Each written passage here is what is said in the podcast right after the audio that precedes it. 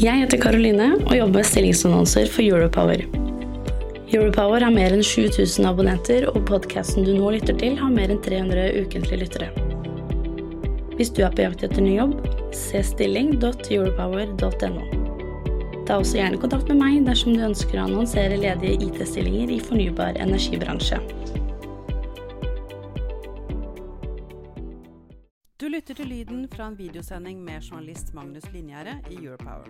Hele sendingen kan du se på europower.no. Hei og velkommen tilbake til eh, Europowers strømmarkedet på tre minutter. Denne uken så har eh, EU-kommisjonen spesifisert fram fem tiltak som de mener kan være med å lette byrden for eh, europeiske strømbrukere og gassbrukere i den energikrisen de er i. I dag, fredag, sitter altså energiministerne i EU og diskuterer eh, disse tiltakene. De skal ikke komme frem til noe beslutning i dag, men de skal iallfall komme seg ett skritt videre, og markedene de reagerer. Vi ser det spesielt i gassmarkedet, som altså de siste ukene har falt så mye som 40% fra toppen.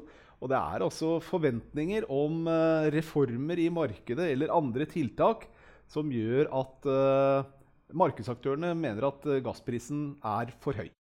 Det samme ser vi i CO2-prisen, altså den klimakvoteprisen som da gass- og kullkraftprodusenter må kjøpe inn for å produsere strøm. Den prisen den faller også veldig kraftig. Og det, det er litt blanda drops der også. Eh, det er noen forventninger om at det kommer flere kvoter ut i markedet som en lettelse for industrien. Men så er det nok også forventninger om lavere vekst, altså nærmere resesjon i Europa. Noe som gjør at både CO2-prisen, som er en slags makroindikator, den faller. Og det samme gjør jo også oljeprisen. I litt uh, hjemligere forhold så ser vi at uh, spotprisen den har falt kraftig nå de siste uka. Og de største fallene de ser vi jo for så vidt i England, hvor altså, prisen er mye ned fra forrige uke. Mens eh, i Midt-Norge der er faktisk eh, prisene på vei opp. Da er det ca. ned en halv krone faktisk for Sør-Norge fra altså forrige uke sammenlignet med uken før. Mens denne uken, så langt, så er altså prisen ytterligere ned én krone. Alt dette her skyldes da lavere priser i Europa, som igjen da skyldes lavere gasspris spesielt. Når vi ser litt uh, fremover, så priser altså aktørene inn en uh, forventning for uh, vinteren som kommer. Og her er det representert med første kvartal, hvor altså den franske førstekvartalsprisen har falt altså med over 50% de siste to ukene. Da ser vi at bevegelsene er litt mindre både for Tyskland og for Sør-Norge. Men også i Sør-Norge så er altså nedgangen virkelig stor når vi ser bare på de to siste ukene. Det er en risikopremie som fjernes fra markedet.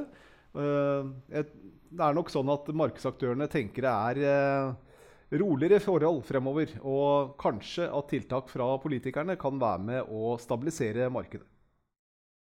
Helt her hjemme så ser vi altså fyllingsgradene. De, eh, de fyller seg ikke. De skal, hvis man følger da gjennomsnittet for de siste 20 årene, så skal det fremdeles være fylling i magasinene i Sør-Norge i seks uker til.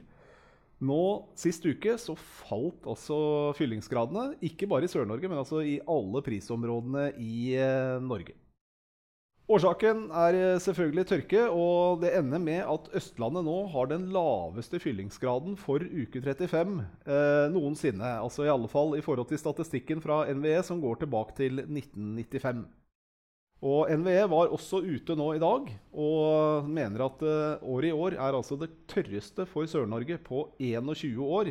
Som er da med å forklare hvorfor det er såpass lite tilsig, og at fyllingen nå faktisk har stoppet i magasinene. Av litt mer muntre nyheter så kan vi fortelle at uh, det finske kjernekraftverket, som skulle vært uh, i produksjon i 2009, det har nå fått tillatelse til å kjøre bånn gass.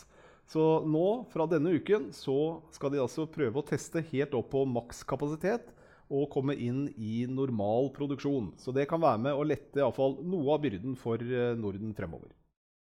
Eller så vil jeg som vanlig oppfordre deg til å følge med på Europower daglig. Der kan du holde deg oppdatert om hva som rører seg i det norske strømmarkedet. Takk for oppmerksomheten. Du lytter til lyden fra en videosending med journalist Magnus Linjære i Europower. Hele sendingen kan du se på europower.no. Jeg heter Karoline og jobber med stillingsannonser for Europower. Europower har mer enn 7000 abonnenter, og podkasten du nå lytter til, har mer enn 300 ukentlige lyttere. Hvis du er på jakt etter ny jobb, se stilling.europower.no. Ta også gjerne kontakt med meg dersom du ønsker å annonsere ledige IT-stillinger i fornybar energibransje.